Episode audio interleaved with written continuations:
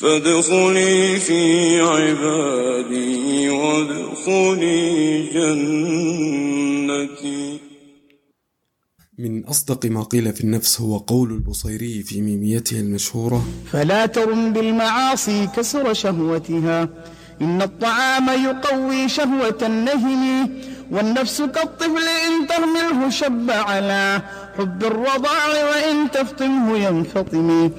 جهاد النفس هو الجهاد الأكبر في حياة الإنسان فهي العدو الأخطر لأن ضررها لا يقتصر على الدنيا الدنية بل يلحق الحياة الأبدية.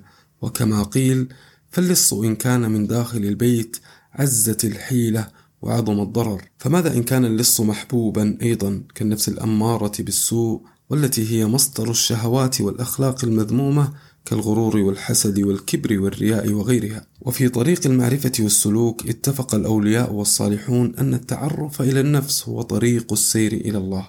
قال ابن القيم رحمه الله وقد اتفق السالكون على اختلاف طرقهم وتباين سلوكهم على أن النفس قاطعة بين القلب وبين الوصول إلى الرب وأنه لا يدخل عليه سبحانه ولا يوصل إليه إلا بعد إماتتها والظفر بها. وها هو أبو بكر الصديق في وصيته لعمر رضي الله عنهما حين استخلفه يقول إن أول ما أحذرك نفسك التي بين جنبيك.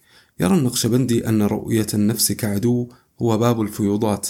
أما الذي يعتمد على نفسه ويظن أنها فاضلة ومستقيمة فحتما ستؤدي به إلى المهالك وإلى طريق كفران النعم والشعور بالاستحقاق كقارون الذي أغدق الله عليه عز وجل النعم فقال إنما أوتيته على علم عندي. ومن عرف نفسه فقد عرف ربه لأنه سيعرف العجز والفقر والنقص الذي يلازم الإنسان ويعرف أن كل نعمة وموهبة هي من الله عز وجل.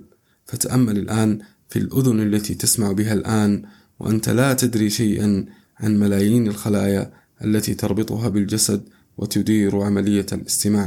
إن كل المواهب والقدرات التي نملكها إنما هي بمثابة الثمرات المعلقة على الأغصان كما يقول بديع الزمان فالغصن ليس له الحق في نسبة الثمرات إلى نفسه واحذر دسائس النفس فهي عدو لا بد أن يدرس وتعرف طرق احتياله اتفق أهل السلوك على أن النفس عنيدة لا تسمع وعمياء لا ترى الحق وهي فخورة بذاتها تحب المدح والثناء وهو لها كالغذاء وتكره الحق والنقد.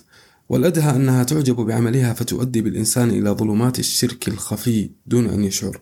إنها مطبوعة على الغرور الذي ينشأ بسبب حب النفس وتمليكها ما لا تملك. احذر من العجب بعملك ولو كان خفيا فالله هو من أراده لك وحفزك عليه فأرسل الرسل ووعدك بالجنة وهو من خلق الجسد وأعطاك تلك القدرة لعبادته. فلو لم يعطي الحياة والجسد والقوة والعافية كيف ستعبده؟ لا تحب نفسك فتزكيها من العيوب لأن عين المحب عن كل عيب كليلة. فمن يحب نفسه لا يرى قصورها وسيدافع عنها في كل حين وسيجري في مرادها حتى يكون ممن اتخذ إلهه هواه. عمل الصالحون النفس كالدابة فالعقاب ينتظرها إن أساءت والجائزة تنتظرها إن أطاعت. وكما قال البصيري فاصرف هواها وحاذر أن توليه. إن الهوى ما تولى يصم أو يصم وراعها وهي في الأعمال سائمة. وإن هي استحلت المرعى فلا تسمي. كم حسنت لذة للمرء قاتلة. من حيث لم يدر أن السم في الدسم.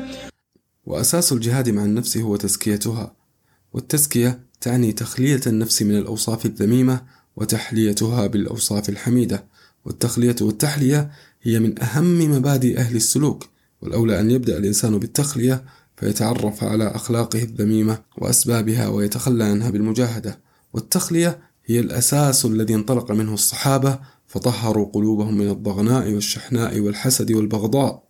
ثم حلوها بالفضائل التي تؤهل القلب للوصول لمرحلة السمو بالروح والنفس. فارتفعوا إلى مرتبة النفس الأوامة وهي التي تستحضر الملامة والحسرة والخشية عقب اقتراف أي ذنب فتؤوب وتتوب. ثم ارتقوا إلى مرتبة النفس المطمئنة وهي التي بلغت كمال الإيمان ولطائف الإحسان.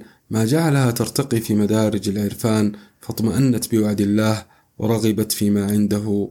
دون سواه. فاخشى دسائس النفس وزن تصرفاتها بميزان الشريعة ولا تسمح لها بالتحرك إلا في دائرة رضا الله لتنال رضاه. يا أيتها النفس المطمئنة